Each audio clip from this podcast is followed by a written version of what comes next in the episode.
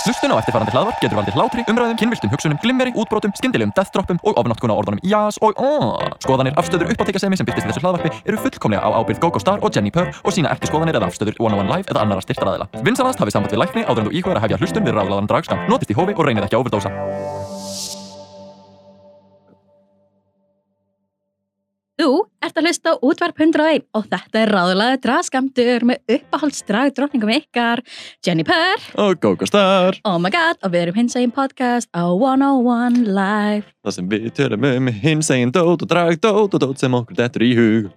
Við erum í útvarpi, woohoo. Ekki þú, já, Gógo, hvernig hefur það? bara ágætt, ég svaf ógættlega illa og búin að drekka í hellinga kaffi og ég bara get pepp Oh my god, bara, oh wow, turn me out, turn me down. Oh yeah, þú varst þú ógislega duglega í að hjálpa mig að flytja í gær. mm -hmm, Því að fyrir þá sem að er ekki að fyrkast með þá er hún Jenny Purr að flytja á Norðurlandið þennan í Já. Sus Konsp... hvernig, er það sös ef ég segja það bara reynd út? Nei, er bara... Nei, bara af hverju er hún að flytja, hvert er hún að fara? Er hún að flýja, hvað er að Já, ég er að, ég er að flýja höfuborgarsvæði af því ef ég get ekki verið upp á sviði á brókinu, what's the point? What's the point, Reykjavík? mm Nei, ég bara, honestly, bara uh, þessi heimsfaraldur er ekki góð fyrir alla. Og ég veit ekki, bara menn á Þið minna heyrðu það hér fyrst, Já. þessi heimsfaraldur er ekki góð fyrir alla uh, Við erum að reyna að dreifa þessum fréttum eins og að fylgjast vel með. Við erum sótvarnir Við erum öll armálavarnir, Ok, við skulum ge- Getur þú séð fyrir mig að ég á paneli með aðeina Þórði og Víði og Ölmu og vera bara ekki Bara erfitt fyrir mig, uh, ég þarf að flytja til Akureyrar. Þessi heimsfaraldur er ekki góður fyrir alla. Og svo er þetta frétta mennir og Já, úr, úr skaupinu. Já, já, já, og er bara eitthvað afsækja hérna, ég ætla að spyrja það því sem þú er búin að segja svona 200 sinnum. Hérna, hvað er, er eitthvað eftir þetta á þessu? Okkur er þetta fara til Akureyrar, segð mér frá, Kristrún. Kristrún, hver er Kristrún? Nei, sko, það er bara ég sakna fjölskyldunum minnar. Það er bara, you know bara, það er ekki bara 2021, girl það er engin skömm í að hugsa um sjálfansi hugsa um geðhilsuna og bara almennt bara you know, það er í lægi á meðan þessi heimsfaldur er að bara kick it back og, og bara rethink your things.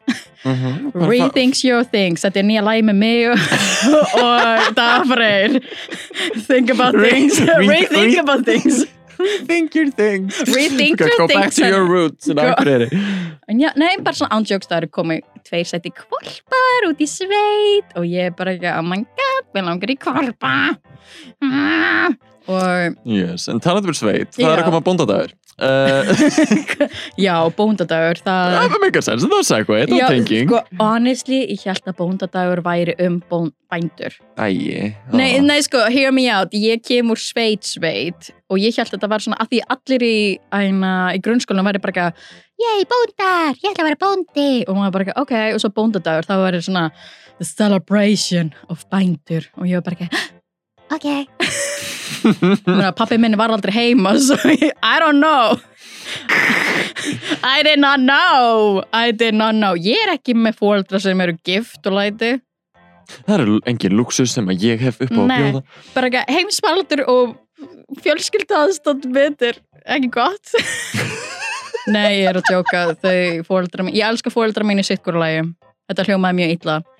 Uh, ég elska fjölskylduna mín eins og hún er ég er bara til Akureyrar að taka vel á móti mér, takk. Ekki cancela mig Akureyri. Ég, ég er samt svo honestly hissa að Akureyri sé ekki búin að cancela mig. Nú, nei, bara hluti sem við segjum í podcasti um að, hva, ert að fara úr fötunum? Já, við erum cancelled. Nei, það er engin ástæða til að vera í fötum hér. Nei, ég veit ekki hvort að hlustendu heyrði en það var svona rennilása hljóð og ég var bara ekki I, I should Ú, dí-ní-ní-ní-ní. Nei, samt svona, æ, ég veit ekki, bóndadagur það, what's that? Hvað er það, go-go? Ég veit ekkert, ég er sveitalömpi wow! Wow, uh, sko, við vorum um að pæla með bara hvernig væri að uh, úst, hvað er hægt að gera uh, og sérstaklega úst, í eins og hins einn sambandum og eitthvað. Er maður að halda upp á úst, jötna, bónda og konudag og eitthvað? Já, hvað þú ert í samkynja sambandi Mikið rétt, mikið rétt. mm Skarplega þetta. Já, bara þú ert ekki actual kona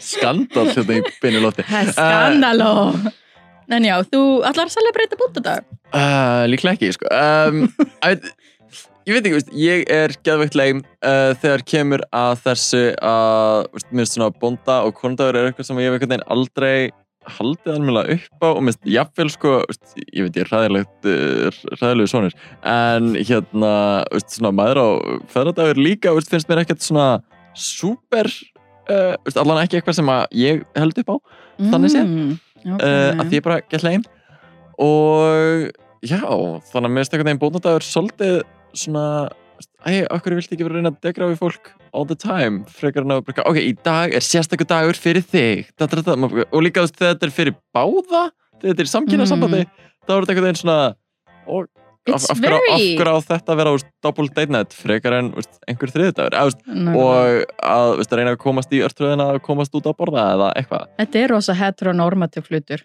Sure, mér finnst það líka bara ekki, ég fíla about- ekki, þú veist, valentínus dag og þetta svona, ok, í dag er dagurinn til að vera Rómó, bara eitthvað, verður Rómó þegar þú vilt vera Rómó, jeez, calm down. Þetta, þetta er líka Ah. rosa mikil kapitalismu Toads með að vera að græða ást okkar.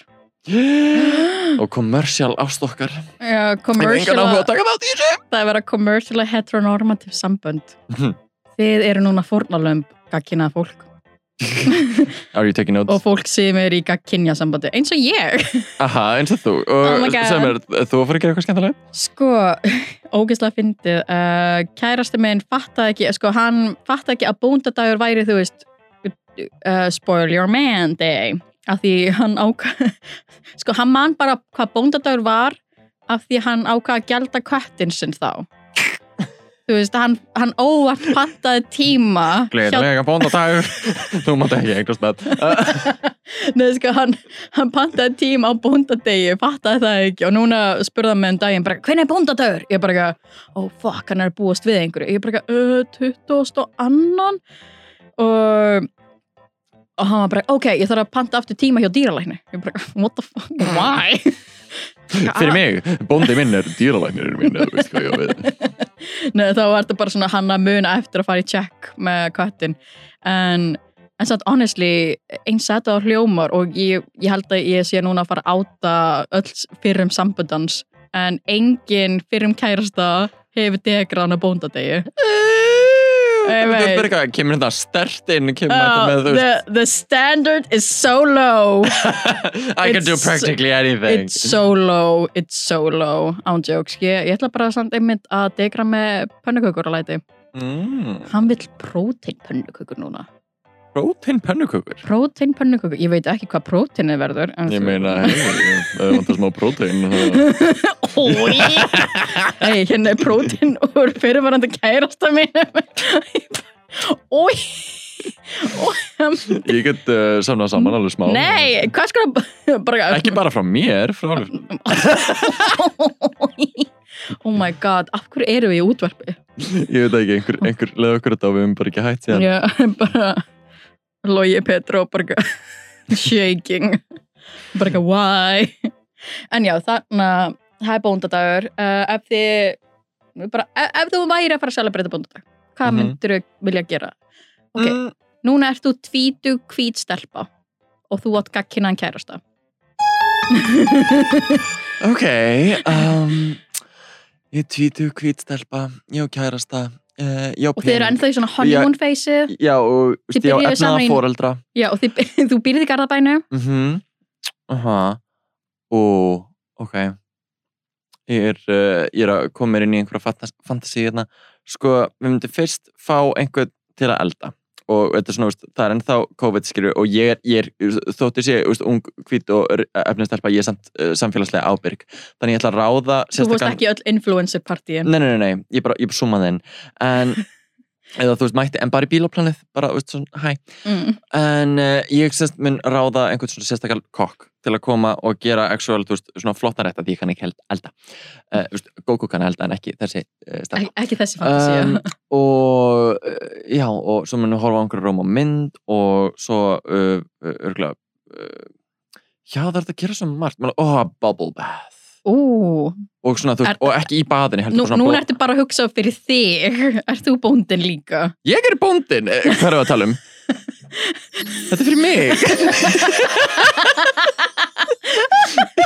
Ég næ ekki að taka mig út, út úr þessu ég, Þetta er fyrir mig, right? Ég er bara að tala um þetta fyrir mig, right?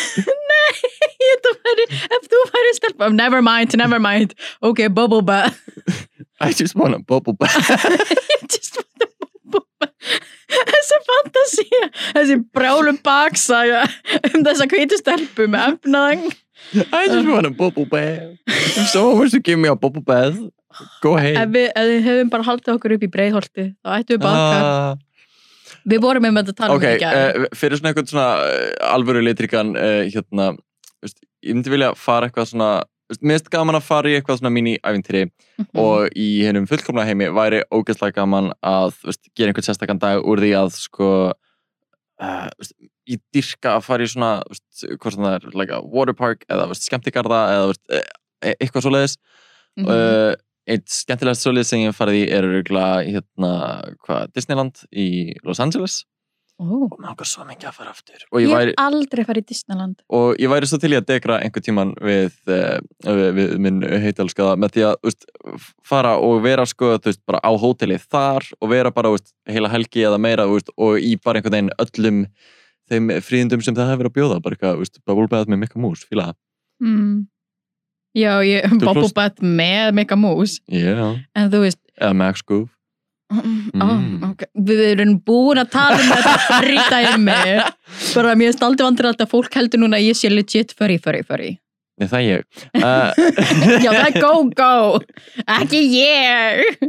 Not Jenny. En þú veist, í staði fyrir Bubble Bath þá getur þú farið til Bubble Iceland. Þú hefur pröfað hana kúlu hótelin. Það geta næst hvernig var það? Það, við fórum sérst á uh, sambandsamælun okkar Ah. og gistum þar uh, sérst í uh, svona Bubble Iceland kúlu þannig að þetta er bara svona upplásin hituð kúla þannig að þú sér það alveg upp í himinn og veist, einhvern veginn, þetta er bara eins og að liggja einhvern veginn á bakinu út í náttúrunni er- get nice, er closet veist, ekki í kúlunni ef þú þetta lappa smáða, bara svona eins og veist, lítið hús svona í miðju, miðjunni á svona þyrpingu af kúlum What? eru marga kúlur þarna? það eru marga kúlur og það er svona alveg gott uh, uh, svona smá uh, bara slatt af trjám í kringum hverja kúlu þannig að því að líður eins og sért einn í heiminum en veist, það er, veist, með fullt af nágrunum þú Ah. heyrir eiginlega ekkert í neinum Ah, ok, Eh, nice. þannig að- Gott. þeir líður eins og sért einn í heiminum en svo er samt stutt að fara til að fara í smá svona cabin sem að er með, veist, þú þér kaffi, farað á klostið, farið í styrtu Svo það er svona sameignar closet en þau eru gett næs og það er bara veist, starfsmæður þar sem bara að sjá um það og, og gett næs og up for threesomes and shit Ó, oh, wow, gegga. Af því þú veist, martröði mín, af því ég held, ég held að þetta var draumur eða eitthvað, eða svona weird martröða scenario, að ég var í svona bóbuldæmi, mm. af því ég held að þetta væri bara ein kúla á svona afskektu svæði. þetta væri bara einhvers á hálendinu eða einhver út í, í skógi eða eitthvað. Og ég var bara eitthvað, að þetta getur áma og, dæmi og ég var bara eitthvað, you know, doing the deed, doing the thing with my man og, og einhver var fyrir utan kúlunni og var bara eins og svona gæi fyrir utan fiskabúri já, að ég væri bara með gluggaþóttagæjan aftur hérna hann var bara að fylgjast með. Og ég var bara ekki að byttu, ha, byttu, hann hafi bara reyðst inn á lóðinni eða eitthvað, þú veist, hann hefur fundið kúlun á Google Maps eða eitthvað. Mm. og gerir það bara þeng að fylgjast með fólki í ríða og svo, svo ko- kemur svona túristagaur sem bara, já, og hérna Já, höfum við kúlur uh, Bubble Iceland. Og þau bara, um, já, með bara, uh, ég, sko ok, það er þá ekki þannig nei, nei, nei, nei. Þetta er mjög, jú, þetta er alveg frekar uh, afskækt en það er samt svona pínu þyrping af kúlum þannig að it's Ok. fine. Uh, ekki sponsað en mæli ég svo glæð með, það var rosalega gaman. Og við ættum að vera definitely sponsor eru við ekki smáhrifa valdar við erum algjörðu smá hrjáðavaldar og við hefum gott skilið. Við hefum góða kúlskil Nei, það er svona á jokes, ok, but ef ég veit að það er enginn bara að fylgjast með mér doing the thing, nema hann borgi. Mm. því að ég ætla ekki að borga fyrir oss kúlu og það er einhver gauðir að ekki borga fyrir að sjá mig í kúlunni go for OnlyFans. Ah, well. Kannski er það ástæðan hvað ég fara norður. Ey. almennilegt uh, OnlyFans stúdíó fyrir norðan Ey, já. Já, nokkulega. Ég vil bara hafa marmara bakgrunnin. En, um, já. eins og er á Akureyri, ha? Nei, þetta, þetta, ég ætla að segja eins og er hjá pappa mínu svo bara, nei, þetta hljóma mjög illa. Þetta hljóma mjög, Ætla ég á mjög OnlyFans? Ó, ok, ég ætla að gera það heima hjá pappa mín af öllum stöðum. You have a problem, I lady have a problem og ég er í útvarpi eða þú veist, í Þú talar alltaf podcasti. um að fara, þú veist, að ég er í útarpi eins og það sé svona ábyrðast að það sem að, sure, en ég Já. meina en ég meina, þú veist Fréttamiðlar eh, hafa mikla ábyrg finnst mér. Og ég er að læra fjölmiðlafræði. Oh. Oh. Ég er í háskóla. Nei, ég veit, mér finnst bara mikil ábyrg að vera um fréttamiðl. Aha, Eigum við að fara út í næsta subjectið okkar? ó já, ábyrði í fréttameðlum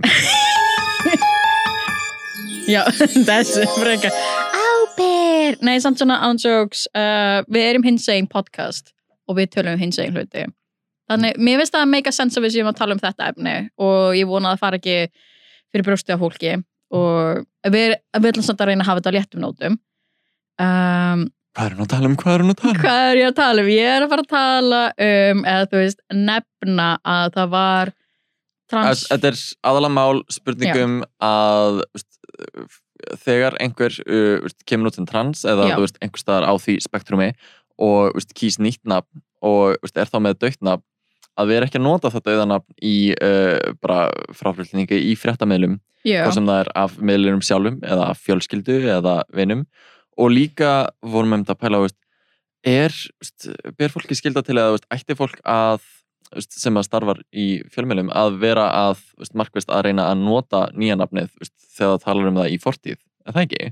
Jú, mér finnst það, mér líka bara líka bara að uppfæra greinanar bara Mhm. ef það er einhver einhver sem kemur út sem trans og var með einhver e, það er einhverja greinar eða viðtölu um þann aðila pre-transition. Mér finnst, sérstaklega þetta eru bara nokkra greinar eða bara þú veist, þetta er ekki þetta er alltaf á stafrænu máli líka að uppfæra þessa greinar. Mm -hmm. annarkvort með bara disclaimer bara ekki þetta er þegar þessi aðili þetta verður þá fyrir kynleðreitingaferðli hjá þessum aðila. Þessi aðili heitir samt þetta Já, við minnst við að sé þetta líka á Íslandi allt of oft já, að það er verið að tala um einhvern sem hefur komið út og Mm. bara er notað vittlust fornum, vittlust nafn. Í, við, algjörlega og líka bara svona nota í svega bara alvöru nafnið þeirra. Bara, minnst það bara svo innilega disrespectful Að- en ég held, eh, ég allan að vill uh, halda að þetta sé ekki sko, þá alvöru nafnið þeirra og sorry, ég vildi bara ekki vera canceluð. Þá alvöru nafnið þeirra að þau séu að nota dauðanafnið og síðan svega alvöru nafnið þeirra sem þau nota í dag. Já, já. Sorry, ég vildi bara, ég vildi ekki að fólk myndi miskilja mig. Eh, Sorry, ég greið fram fyrir þau. Já, skammast þig En þú veist, þegar einmitt daginn aðili bara þegar hlutin er stafrænir þá er það ekkert mála að uppværa hluti nákvæmlega, bara eins og við sáum með þegar Elliot Page kemur út Já. og bara öllu er breytt á samdægurs. Mm og veist, hvort sem það er á IMDb eða veist, auðvitað er það ekki uppfært í kreditlistanum á Inception eða Juno eða eitthvað. En samt sem áður bara, þú veist, maður sér að þetta er svona markvis uh, bara skref sem eru tekin. Og ég vil meina að sest, íslenski fréttamil, að þetta sé ekki coming from a place of hate, meira bara fá frá fáfræði og bara eitthvað, well, þetta er það sem stendur í þjóðskrá þannig að við ættum að nota það, right? Nei, mm. þú að bara einhvern veginn uppfæra sig með tímanum Já, algjörlega En talandum að uppfæra sig með tímanum og Ú. talandum trans Ú. að uh, við höfum vorum að sjá uh, áhugaverðagrein uh, eftir að RuPaul Andre Charles Já. var í viðtali á Stephen Colbert uh, talandi um um trans þáttöku í RuPaul's Drag Race mm. Sem ást mjög áhugaverð uh, pæling af því að þetta er held, uh, svo ég veit til fyrsta skiptið þar sem að RuPaul uh, basically er ekki double tripling down að bara eitthvað, nei bara eitthvað trans fólk á ekki heima í Drag Race einhvern veginn, eða, bara eitthvað, Mm. það, veist, ekki að það sé bannað en bara, veist, það er annar hlutur það er ekki það sem Já, að við erum að gera er ekki að bera saman transfólk við uh, íþróttafólk á styrum já, já, já, veist, bara, nú er það margt mjög problematic uh, ekki Oh, yeah, verið very. veist, fengið gaggrinni fyrir það og bara Algjörlega. mjög verðskuldað en mér líður eins og þessi fyrst getið þar sem að það var ekki, já, uh, uh, var að tala um sérst að það að Gottmik, sem Mhm. að er uh, transkallmaður, yes uh, sem er að taka þátt í season 13, að það hefur svolítið opnað augan- augu- augur og pól fyrir bara því að transfólk ætti auðvitað sinn, bara sitt sæti innan dragsinnar og, ætti, Mhm. og, og get, er mjög verðskuldað innan dragreis. Já, og ætti að vera representað Mhm. og ætti ekki að þurfa að koma út í miðju upptöku með hann eitt svoleiðis ætti ekki að þurfa að Það ætti ekki fela að þurfa að vera plottpunktur til Já. þess að vera nógu mikilvægt. Já, ætti ekki að vera plottpunktur og ætti ekki að vera svona shocking, oh my god, þessi aðalega kemur út Eða svona, þetta er, ég held að Peppermint, með minna Peppermint var alveg transkona fyrir Drag Race Mm var bara ekki byrjuð á uh, búin að fara í neinar aðgerðir, question mark eða Já. byrjuð á hormónum Já, en þú veist, er samt alveg, you know, a woman þú þarft ekki að vera, þú þarft ekki að fara í brjóst æna, brjóstaðgerð til að vera kona þú Mhm. veist og ég veit ekki, minnst það líka svo fáránleg rauk, bara eitthvað, ok, veist, ef við ætlum að draga línna, bara eitthvað, ok, eitthvað, þú mátt vera, veist, eitthvað, í einhverjum transpælingum og mátt ekki vera byrjuð í leðrætingaferli mm. Ok, en þú mátt vera detox eða trinity tuck sem er búin að, þú veist, injekta svo miklu í líkamann að þú veist, til þess að fá meira feminine figure, það má. Um, Já, nákvæmlega, bara svona ok, er það ekki bókstaflega styrar? Æ, ég finnst það mjög stúbid hvernig það hefur verið og maður sér að þetta er að bótast í rétt átt. Uh, það er þeim að í þáttunum er búið að breyta hérna, svona the, Racers, start your engine may the best? queen win. Mm, sem maður bara, ok, Ok, mér, mér ekki fullkomið en skrefið rétt átt, nice Ég, ég var bara svona, hvar var þetta þegar Peppermint eða þegar einhver, eða þú veist í Canada's Drag Race þegar Ilona Verley sem er non-binary queen. Ég meina, ég held að sé bara uh, það tekur það tekur alla þessa aðila A- til að, ta til að, veist, tala upp til að standa á sínu og bara einslega þetta er, þetta tekur tíma mm að komast inn í kerfið og vera samþygt og ég held að það sé bara á okkur öllum að halda áfram að tala um þetta halda Já. áfram að halda því á lofti uh, Og bara styðja- standa með uh, veist, bara samfélagin okkar Já, og, og sérstaklega styðja trans drókninga, bæði sem eru í Drag Race og eru ekki í Drag Race, sérstaklega sem eru ekki Mhm. og í Drag transkonga og transkonga, yes, oh my god getum við dragkongar, transkongar we, I love my kings bara motherfucking kings uh, svona þetta er einmitt bara svona, þetta er svo mikið barátta og þú veist, það var einhver tíman umræða í RuPaul's Drag Race Iceland grúpunni þar sem íslenski aðdæðendur geta komið saman og spjallað um þættina á mánudum þannig að það var einhver umröðupunktur bara má ég vera stór fan af Drag Race og vera ósamal á RuPaul? Mm -hmm. algjörlega, þú veist þú, bara, þú veist, þú, ég elska Drag Race ég elska drottningarnar en ég er svo á RuPaul þegar kemur að, þú veist uh, þú veist, þegar hann er að eh, bara, þú veist, þegar hann er ekki í Drag Race, auðvitað líka þegar hann er í Drag Race og er bara að dæma fólk. Já, en þú veist, við erum líka bara að minna að RuPaul er 165 ára veist, það er alveg svolítið dated mar margar hugsanir í þeim kolli og þú veist var mjög progressiv á sínum tíma algjörlega, ég er ópist að- að þakklátt fyrir því algjörlega, en ég held að hafi bara svolítið staðnað mm. eins og gerist fyrir margt mjög fullorðið fólk Já. uh, þegar þau komið svona yfir 100 ára þröskuldin að þá held ég bara svona staðni í svona progressive hugsun Mm og þú veist, á einhverju tímubúndi svona fyrir hugsa bara hvað er þessi krakkar endalist að koma eitthvað nýtt Já. hugtök, nýtt dæmi og maður sér alveg hvað var svona ákveðin svona mótrói sem að mann alltaf vonar núna er farin að tala þannig yeah. að segist vera að fylgjast með því sem að veist, krakkarnir eru að gera, að redefina drag og vilji, veist, vilji uh, uh, taka því inn eða taka það sem valid Mm, sem er I svona, mean, yeah. finally about time It's a bad freaking time The future of drag Mér finnst bara svo, ein- einmitt bara eins og uh, eldri kynnslóðan okkar að hinsa í samfélaginu menna þú veist, ég er ótrúlega þakklátt fyrir allt sem þau gerðu og börðust fyrir okkar réttindum og þess, þessi lúksu sem við höfum. En á sama tíma þegar maður endar í einhver svona weird spjalli við þau og maður er bara svona ah, þú ert smá boomer. En þú veist svona I, I, love you girl, I love you grandma. Þú veist, my lesbian grandma, I love you. En svo svona, oh my god, akkur þarf þetta að vera svona fordóma fullkakvörð þetta er eina að eina akkur geta það ekki bara ákveðið sem kyn dæmi, Mm. maður er bara svona En ég meina það er líka bara umræða sem að sumir ólust upp við og úst, ég er ekki að reyna úst, verja þau eitthvað brjálað en bara úst, að þetta er eitthvað sem tekur tíma og þetta Já. er eitthvað sem að maður ætti að vera ófeimin við að leiðrétta og líka úst, fyrir þá sem að eru í úst, að- einhvers staðar í kynjaflórunni hvort sem skilur sem, sem kynsegin eða hvað að, að það ætti ekki bara að vera á þeim Já. að vera að þú veist, leiðrétta og koma með og þú veist, senda inn pælingar og það kemur aftur inn á þú veist, fjölmiðla umfryllun sem vorum að tala um áðan að þú veist, það er líka bara ef, þetta, ef okkur finnst þetta ekki í lagi að hlusta á þær rættir sem er að tala á móti því, þú veist, og hlusta á þau rauk og taka þátt í, þú veist, og við sendum líka þú veist, posts á þú veist, vísi eða þú veist, hvern sem það er sem er að senda þú veist, að kvarta yfir þessum hlutum að vera ekki þú veist, þögull partur af fjöldanum að því þá ertu bara að standa með þeim nákvæmlega, sérstaklega þegar aðili er látin og það er verið að Mhm. nota þú veist, vittlist fornöfn fyrir þau, bara þau, get, þau eru bókstælega ekki hérna til staðar til að berjast fyrir þeim, svo við bara rétt eins og þegar þú ert í matabóði og það er verið að segja, að nota þú veist vittlist fornöfn á þú veist, frænguðina segja hún, að hún sé ennþá karlmaður. Maður bara, eitthvað, nei, mm, amma shut the fuck up. Mér finnst sko, á þessu nótum, mér finnst ótrúlega gaman að ég er sjálfbárið í hins einn félagsmiðstöðinni og sem er nýbúin að opna aftur sérst í personu, við erum búin að vera síðustu 14 vikur á netinu. Oh wow. Sérst bara með Discord afnum og við erum loksins búin að opna aftur uh, physically og við erum bara í svona sótvarnar hólfum uh, samt mjög gaman. Cute. Og uh, ótrúlega skemmtilegt. Og mér er svo gaman þar að því það eru bara svo margir að finna sig og veist, það er svo gaman að koma inn og vera veist, að kynast þessu frábæra veist, unga fólki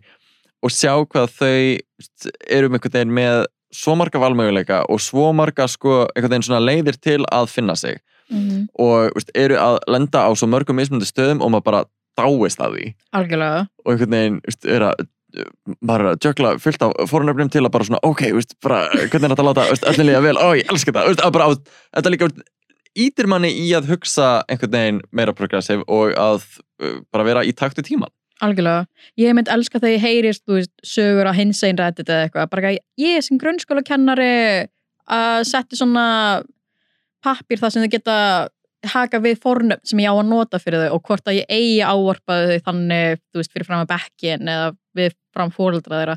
Og ég er bara svona vá hvað þetta æðislegt. Að krakkin getur, þú veist, lifað sínu lífi, þú veist uh, þú veist, óhá fjölskyldunum sinni eða bara svona hvort Mhm. að séu uh, alltaf snemt að fara í ferli eða eitthvað. Eða þú veist, þetta er svona eða þú veist, alltaf snemt að fara í ferli eða það sé eitthvað svona, það er eitthvað í örðuleikar ég veit ekki, ég er ekki transmannsk honestly. Þú veist, ég væri ógeðslega til í að fá transviðmælanda og bara spjalla um þetta. Mhm. bara getum við ekki uglu oh my god. Oh my god, ugla, kontinga hún er reynda föst í Englandi en ég meina, við erum að fara að gera, gera þetta í gegnum netið hvort þið er að því að sumir eru að flytja á hana landsluta Ah, já, reyndar, reyndar, reyndar. En já, endilega bara svona, um, ef þið getið leiðrétt fólk þegar þau eru að nota vitlis fornum, sérstaklega þegar þetta er non-binary fólk og transfólk og bara svona almennt. Mér finnst líka ógeðslega krútlegt þegar ég er á TikTok og ég sé á prófælinu þeirra að cis-fólk sé að nota, þú veist, she and her, að það sé bara að normalæsa að Nákvæmlega, bara því að fólk getur verið með mismunandi og, óháð úst, útlitið að hvernig þau eru perceived bara Mm. út frá samfélagsstöðlum að bara úst, að allir geti sagt hvaða fornöfnu kjósa nota án þess að það sé eitthvað issue. Já, nákvæmlega, að það sé finnst- ég held að einhver eina sem var með cis kona sem er með she and her eina í bæjónu sinu og einhver kommenta bara ekki You'll never be a real woman, stop using she and her. Og hún var bara ekki Ég ég cis gender Það veist, ok að veist, að það sé veist, alltaf vera ráðast að transfólk Mhm. með þetta, að sé vera einmitt svona að þetta sé að vera áta þau en þú veist, ef við myndum bara normalæsa það, að það sé ekkert weird að bara vera bara þetta eru fornafni mín. Tótt. Yes. Mér finnst líka svo næs sko, ég veit ekki hversu oft yfirspyrður þegar ég er í drægi Mm -hmm. uh, veist, bara hvaða fornöfnu á ég nota yeah. og að því að, veist, að bara þegar ég er ekki að þá nota ég, þá nota ég hann Mhm. og þegar ég er, er í dragi þá er það svolítið breytilegt að því stundum er ég bara að skipulega eitthvað og er svona svolítið í bara siggamót þótt ég sé í dragi Já, þú ert bara einhvers dag gauknum að setja upp eitthvað Já, veist, að, þá einhvern veginn svara ég svolítið bara hverju sem er Mhm. uh, í dragi nota ég kvenkinsfornöfn og svo er ég veist, í bóilaski þá er ég basically dragin oftast ekki með hárkolli og þá er þetta kallkinsfornöfn það er mjög Já. svona fram og tilbaka hjá mér. Það er Þannig einmitt að- spes vingill á þetta þegar þú ert í bóileski mm þannig að því að þú ert Ég- kynntur á svið sem Gogo Star. Já, þannig að veist, ég nota eiginlega veist, kvenkins og kallkins svolítið bara setja hvað fer eftir uh, veist, svona hvar ég er í uh, mínu svona uh, karakterferli. Mm. en veist, svara svolítið hvað sem er. Og ég dýrka þegar fólk spyr og ég vil þakka fólki fyrir að spyrja og segja svo veist, að mér sé uh, veist, að það skiptir mig ekki stóru máli en einmitt bara Mhm. benda á að takk fyrir að spyrja að því veist, fyrir marga og skiptir þetta máli Já, ég, ég, ég svona, á sama tíma að þú veist, mér finnst alveg fínt þegar fólk spyrir með fornöfn, það er bara þegar fólk er bara gert með tipi eða píku, það er bara, nei, nei, nei ekki spyrja út í það Hvað er tipið? fílar það aftan uh, já, en þú veist, oi. Oh ekki spyrja með svona. Nei, eða samt svona, þú veist, auðvitað getur maður þú veist, það er ekki allir tilbúin að tala bara eitthvað, já, hérna er eina fyrirli minn, þú veist, Mhm. eins og þú séu alltaf að þurfa að réttlæta tilveruna sína. En ef, nákvæmlega. ef þú ert einhver tíman á dragsýningu og þú ert bara eitthvað, oh my god, you're beautiful. Þú veist svona, þú ert gett fallegur fallegur, Mhm.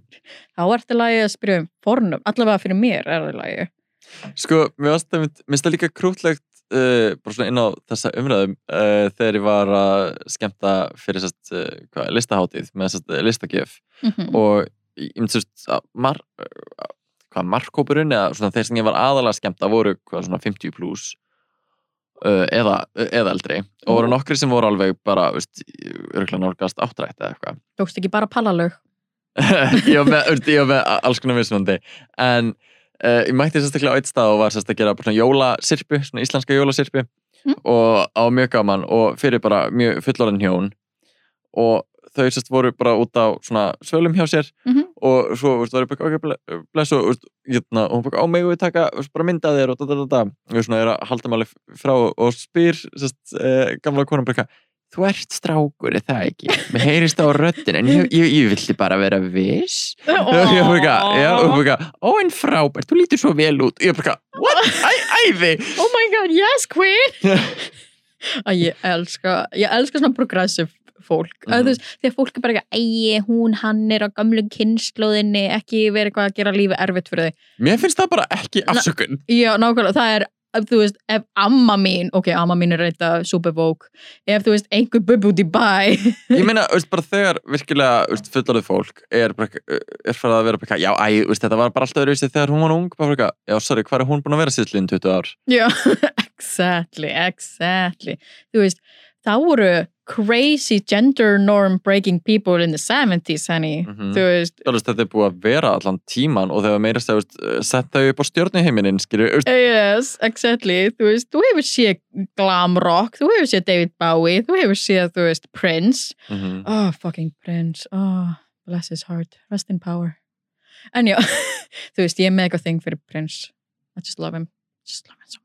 En já, Ah, en, ég er núna bara mun eftir Naomi Smalls Prince lookinu í All Ah! Stars 4 oh, oh my god, Þið sem uh, veitir hvað ég er að tala um þetta er frábært oh, ok, en já, eigum við að tala um smá um Drag Drag Race. Race? Eigum við að fara í smá, Drag Race og Recap eða þannig, Hva- hvað ætlaði þú að segja? ég ætla að segja double Drag Race. double, double, double, double, trouble Drag Race recap. Að því, að, að því við erum aðra hverja viku hérna.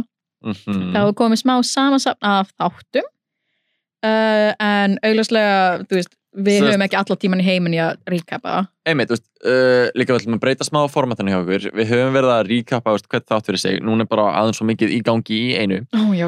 Þannig að Líka, það er svona trilljón podcast og myndbönd og allir að recapa Drag Race. Nákvæmlega. Bara, þú veist, Lísa, hún tók eitt skref þarna, sagði hæ. Það var gæð mikið shady.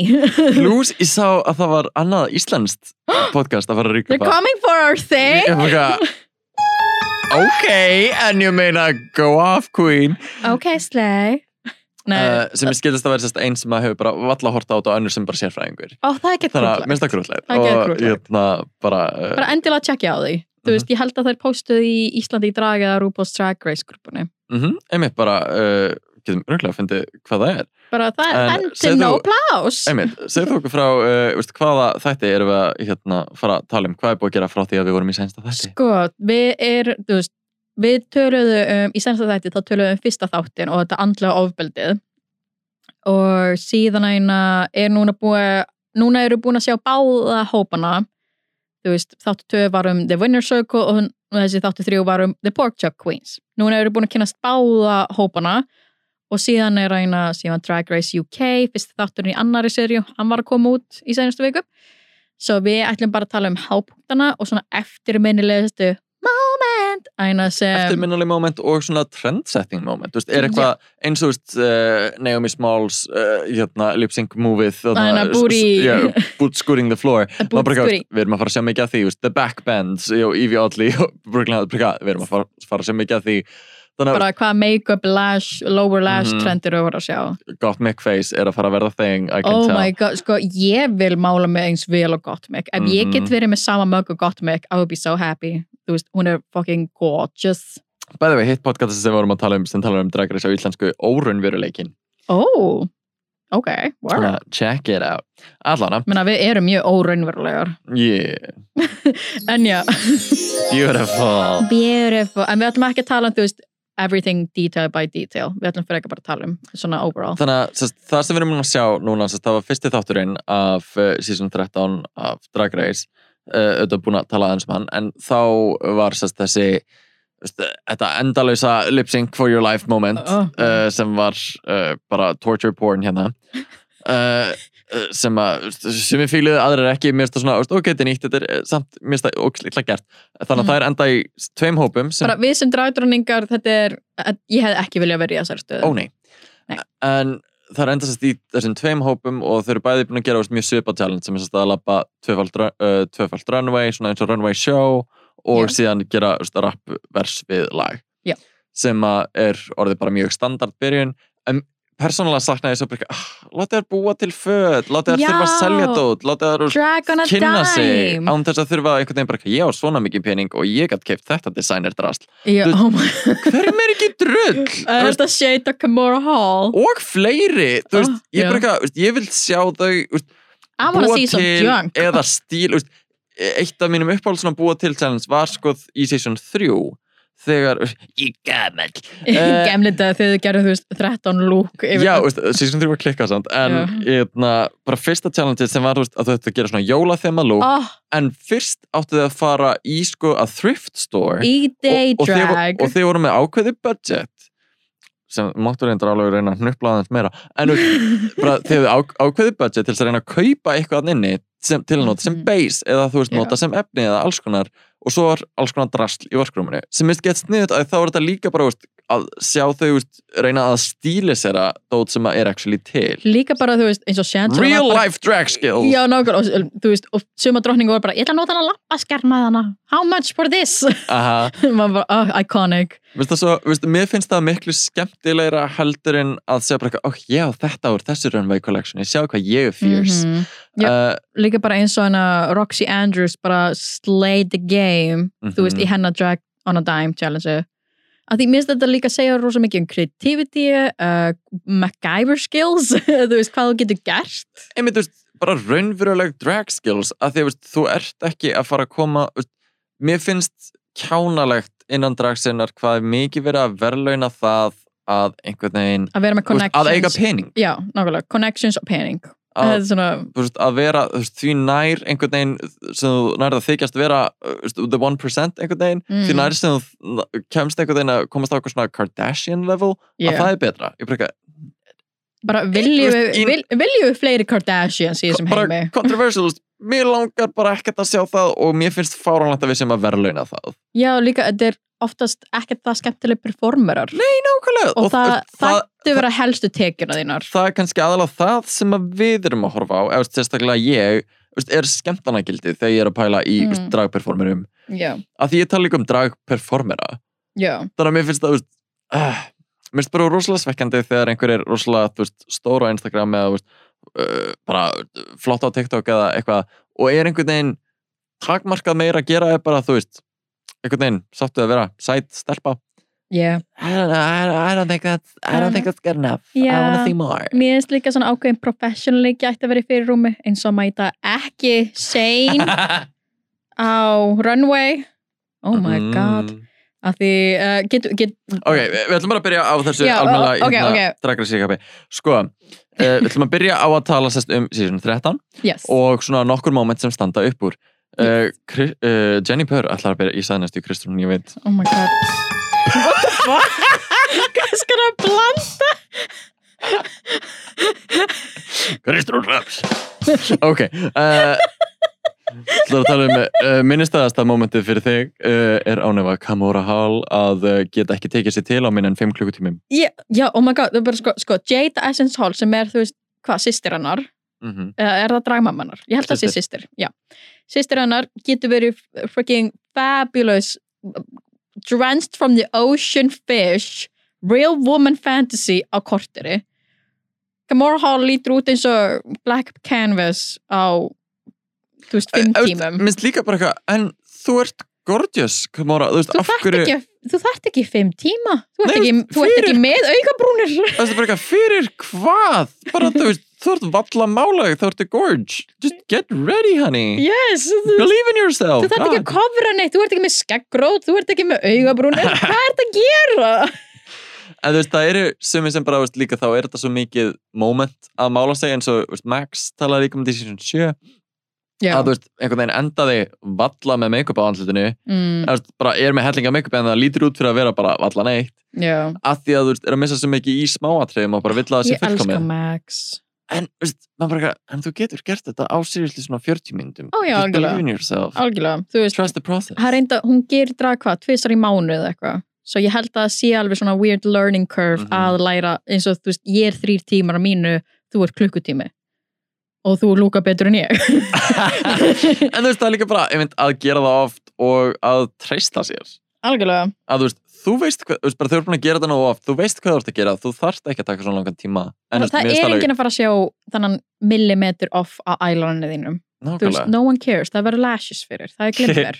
en já, það er eitthvað sem ég þurfti að læra. En já, það, þetta er þriði þátturinn og enginn er farin heim, en toppdrottningarnar uh, úr sínum hópum fenga lipsynga for the tip.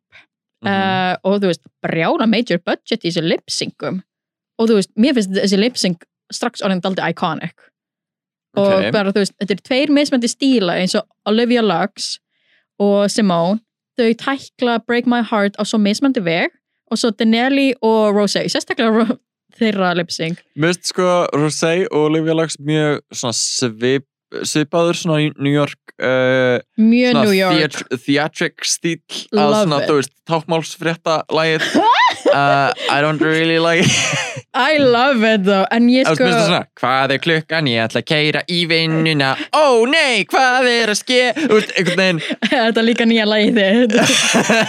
Featuring Dada Freyr. En já, þú veist, ég, ég samt bara, þegar ég heyrði If You Seek a Me Tonight og ég var bara eitthvað Nei, ég ætla að taka það. Nú lúka ég eins og ég sé að fara að herma. God fucking damn it.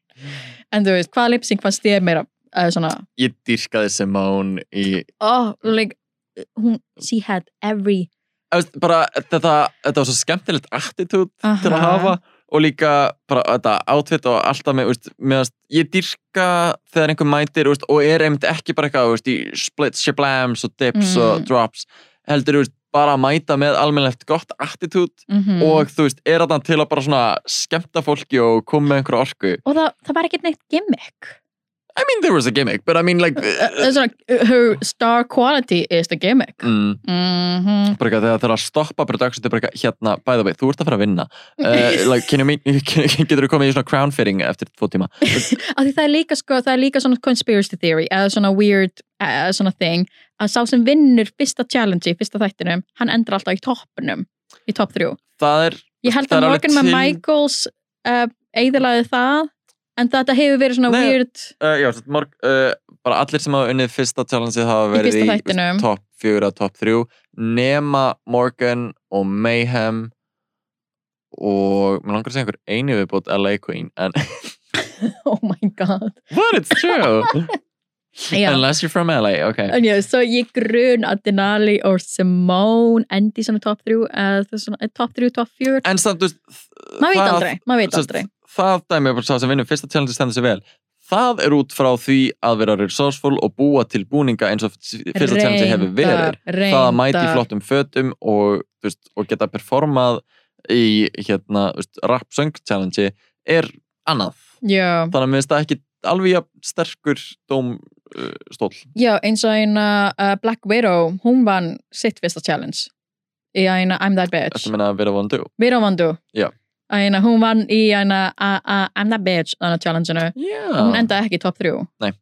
svo þetta gæti verið svona Dragon a Dime. Ef þú vinnur Dragon a Dime challenge þá gætur endað í top 3 Já, eða, þú veist, mér finnst bara yfirleitt þeir sem að þetta var svona conspiracy theory. Yes. Þannig að ég ætla að sé marg alveg fara langt. Uh, Er einhverjir svona sem standa út sem að þú heldur að fari snemma? um, sko, mér finnst það eins og ég sé svona Guess Who að því með mynd af öllum mæna í svona flipum. Sko, ég er big fan af Gottmik. Denali she, she, she has it something for me. En ég er bara svona ég veit, bara, ég vil sjá líka meira af Olivia Lux, hún er ógeðslega fyndin í Confessional, hún er bara ógeðslega sjarmerandi Mhm. og, og ok, Joey fucking dúlla, ég vil bara halda honum en ég held svona að hann sjálfur er búin að uh, gera sig svona filler queen.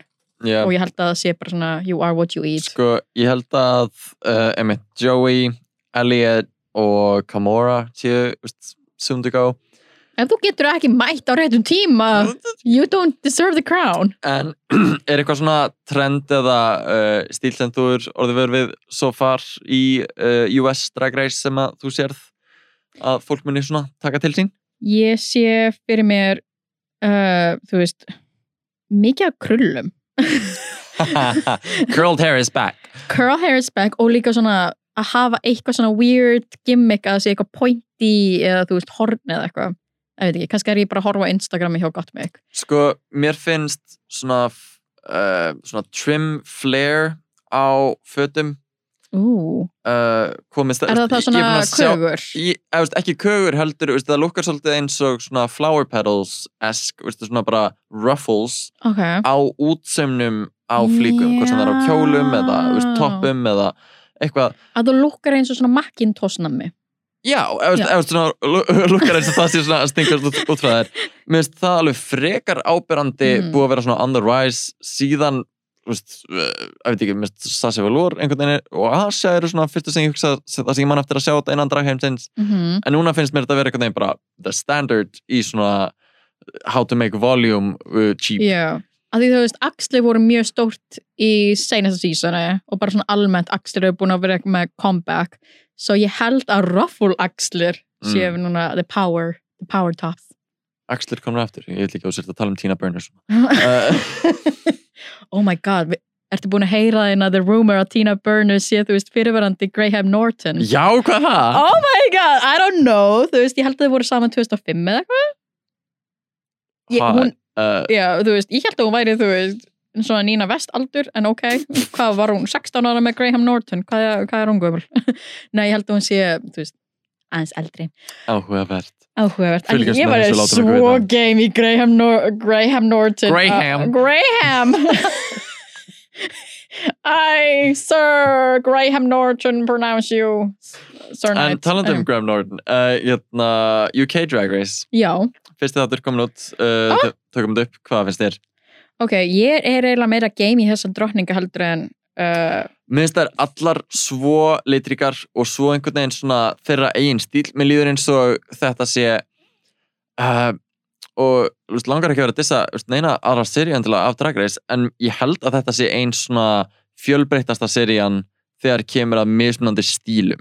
já, mismöndi stílum Bara mér finnst allir einhvern veginn að vera að koma úr sikkur áttinni og eru komin á sama stað og ég, dýrka það. mm að því þá er líka, veist, þeir eru komin þarna inn til að veist, keppa á, svona, á sama leveli og einhvern veginn allir eru með mismunandi dót til að koma að borðinu og mér finnst það sjúklega spennandi að sjá bara hvað gerist. Menna, við erum með dancing queens, fashion queens, comedy queens, uh, cabaret queen.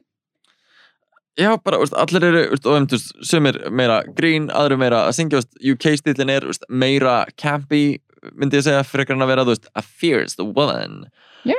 Þannig að, ég minnst það bara ótrúlega spennandi að fylgjast með, en á sama tíma, þá eins og við UK-serju 1, þá finnst mér það dæmt af svo bandarískum stöðlum Ó, ég, sem ég finnst svo leiðild, ég oh, ég vildi að það væri einhvern veginn bara að þeir sem var að dæma veist, þá specifíkli RuPaul og Michelle væru meira að horfa á veist, hvernig þetta er actually innan Breitlands og innan svona bresku dragsenunar mm meira heldur en bara hmm, þú myndir örgulega passa vel inn í bandaríkurum, þú ert góð dragdrottning, eða finnst mér svona væpið. Já, nákvæmlega, að Drag Race sé bara orðin standardinu fyrir allt og alla. Maður bara Mhm. svona, that, that sucks. En þú veist, ég er mjög sammála með fjölbreytta stíl en veist, uh, the anicity ekki mjög fjölbreytt. Nei, alls samlega þeim það stóði mitt mjög fljótt upp úr fyrir mér að þessar tvær einu svörtu drottningarnar sem er þá eina uh, Astina Mandela og eina Taze, Taste? þær eru sko Afro-Caribbean. Þær eru sko, þú veist, English og Wales Afro-Caribbean meðan Tia Coffee er, þú veist, mixed. En það stendur ekki endilega hvar uppruna en það er You've done strax research. I did some research honey that's research Ooh. en mér finnst það bara svona að því ég var bara af hverju að vera að para strax eða svona svona para strax svona þessar tvær svörtu drottningar sem óvinni Já. bara að þær lappa inn og það er bara ekki oh my god bara það er bara, ég fekk svo mikið þú veist, 90s uh, Naomi Campbell og Tyra Banks Já. ríin að það svona, við getum ekki haft tvær svarta drottningar, við verðum að hafa bara ein. En það með að vera 16 hvítadrottningar einu það með að vera 16 Uh, hvítu drottningar svona, we have one gay við erum nú þegar með eitt samkynnaðan grínasta við getum ekki fengið Jono. Þetta er svona, Aha, það Þetta er mjög það væp Þetta er einmitt þannig væp og ég var bara af hverju, en síðan eru það bara ótrúlega hólsum, Ég dýrskaði einmitt þegar þær tvær sest, að það uh, átt að Strut Runway sest, í looki inspirað af uh, uppáhald svona gay uh, svona the British gay icon Já. eða an ally or something mm og þa- uh, þær báðar ákvaða að taka Naomi Campbell Já. sem að þú veist auðvitað að því að veist, langar ekki veist, bara svona fyrir þeirra like, mótun og svona einhvern veginn svona fierce factor einhvern veginn veist, hvern annan eiga þeir að velja algjörlega, það er ekki mikið af svörtum fyrirmyndum sem eru, þú veist, Og- LGBT friendly. Og það er um tala síðan um það og ég einhvern veginn bjóst þetta er því að þetta verið freymað sem einhvern brjálagur catfight og það er ekki nóg verður en þær tækla það Já. svo vel sem bara eitthvað já, veist, auðvitað, hvernig annan eigum við að velja? Það, það, það, það er ekki no representation, og, veist, við þurfum bara að vera það representation, Yes, yeah, let's bara do it. Var bara, uh, yes, work. What the fuck, ekki, ekki það hlýta uh, hættu með takaborðu en það er svo gaman að þessu litrikt en já, þetta var þetta er taka báðar Naomi Campbell og þú veist, mismunandi, þú veist, Naomi Campbell look líka, þetta var ekkert eitthvað svona uh, tveir saman á Snatch Game. Þú veist, báðar ógeðslega fierce, mér fannst mér, ég vildi samt að Taze hefði verið í toppnu að því hún tók hana vel streka lookið. Sko, andars að fara eitthvað ofnlátt út að ég skil, þú veist, þegar að vera að kalla út alla sem voru safe, Mhm. ég held að vera að vera að kalla út toppa og botma, að þú veist, ég Same, skil ekki hvernig það var dæmt og ég, bara, eitthvað- ég, er- ég er hættur að pæla í því síðan að Holland Swag Race og Canada Swag Race ég er bara, eitthvað, ok, þeir, ég er bara mjög ósamla dómurum oft, ok, cool.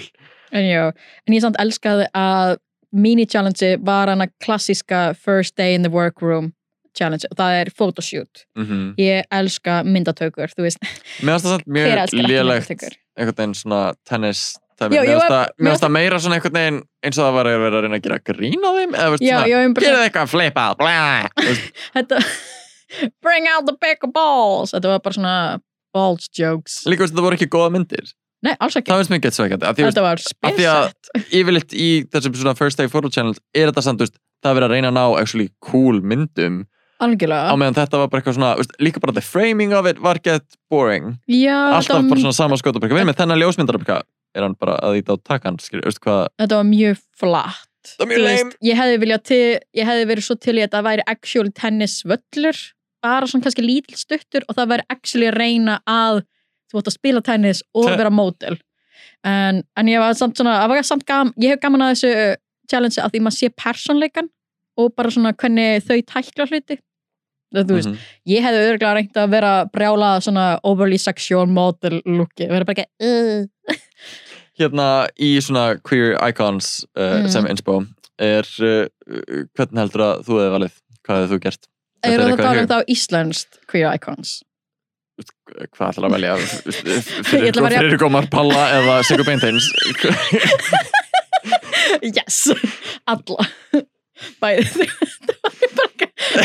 Í Íslandi drag þá ætlum við að það vera eru með auðvitað fleiri en bara svona innan einhvern veginn svona pop uh, kultúrs uh, er uh, er um fá að velja Girl, ég hefði örgulega bara valið Björk sko. Ef ég væri íslensk dragdróning í bresku dæmi þá verði ég bara ekki Björk.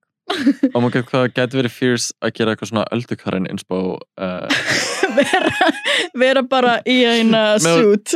Aha, bara svona a fierce suit like lot, úst, og taka hárið sko alveg á annað level bara úst, að, hár nýr á hælum Mhm. og þú heldur á bók.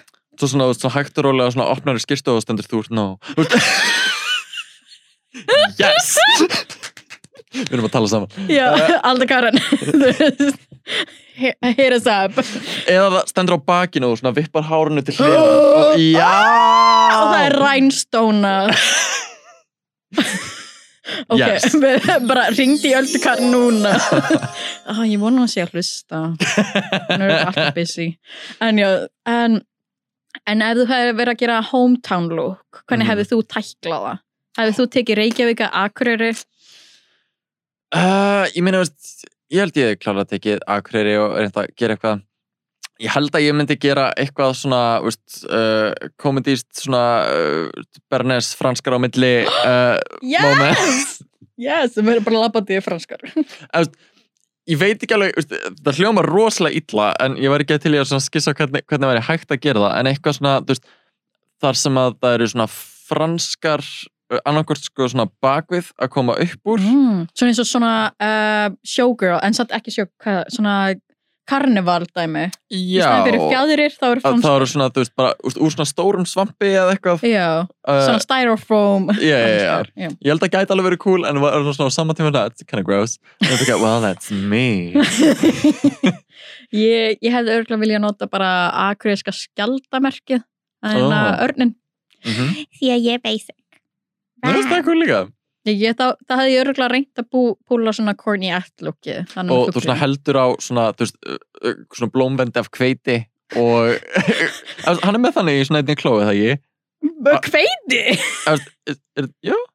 Er þetta ekki svona akkur svona þing sem hann heldur á í skjaldamerkinu oh my god, ég veit núna ekkert um bæin okkar. Jú, þetta er svona skjaldamerki sem er veist, bara basic skjalda shape og svo svona örn sem er "Kah!" Eh, já, þetta er landvætturinn Já, svona, og í uh, einni klóni heldur hann á svona kveitibúndi, right?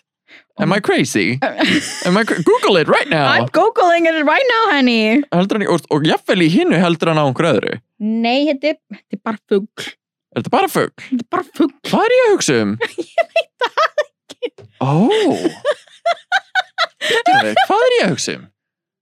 Honestly, I don't know. Er ég að pæla í einhverju bandarísku dæmi? Ég held það Er ég, þú veist, að pæla í, þú veist, logoi fyrir, þú veist, The Secret Service eða eitthvað? Secret Service með hveiti? Nei, þú veist The Secret Hveiti Service. We are the gluten. Ó nei, ég er að ruggla. Nei, nei, nei, Ó nei, nei, nei, nei, nei. Ég myndi örgulega púla það. Eða vera bara önd Af því þú veist, andapollurinn. Menna, þú veist, þegar þú ert akureyr Þegar þú fer akureyr, þá sérðu andapollin Jú, ég er að hugsa eitthvað annað. Hvað ert að hugsa? Ah, já, já, já. Oh my god, hvað ert að Nei, já, þetta, já, ég er að hugsa um þetta. Þetta er ekki Akureyri. Nei. Þetta verið, já, já, já, flott. Þetta er bara Secret Service Nei, þetta er, eitthvað. veist eitthvað bandarist, uh, hérna, uh, seal of, uh, like, the great seal of the United States. Stuff. Þú veist, Akureyri, bandaríkin, hvað, Ég hvað? meina, allt Bernis. Ná- Nákvæmlega. En Ég held að það sé bara komið, já, já, ég... Já, bara ekki að Gógó er búin að missa vitið. Uh, Já, þetta var ég, ég er actually spennt fyrir meira aðeina Tótt, UK mér, finnst- mér finnst fáranlegt að það séu báður í gangi á sama tíma. Uh, að því að ég held að sé bara fyrir einmitt, fyrir þá sem er að recapa þetta eitthvað, þá held ég að US Drag Race mun alltaf ganga fyrir Já. sem minnst ógustlega leiðilegt og svo ósangjan Ég held að það sé ekki pit stop fyrir UK. Nákvæmlega, þetta er svo fáránlegt Ég held að Bob the Drag Queen sé eitthvað á sínu personal YouTube channeli Mhm. að tala um þetta og ég var bara, yes Bob, veist, work. work, en það er kjánalegt veist, og minnst, það bara vannvirðing við bresku drottningarnar Já, lí- líka bara að sína þetta á sama tíma, maður bara augljóslega eru þær ekki að fá sama sem aðtiklina. yeah. So, Allana, uh, illa gert en við höldum að, áfram að fylgjast með og láta ykkur vita hvað okkur finnst af því að okkar skoðan er í útvarpinu Ó, já one on one uh, Þetta hefur verið rálaðu dragskamtur með GóGó Star og Jenny Purr. Takk fyrir að hlusta, við heyrumst aftur eftir tvær vikur Oh my Mm, Já, og þá God. verður Jennifer komin á Akureyri Ah, Já. okay, bye. Bye.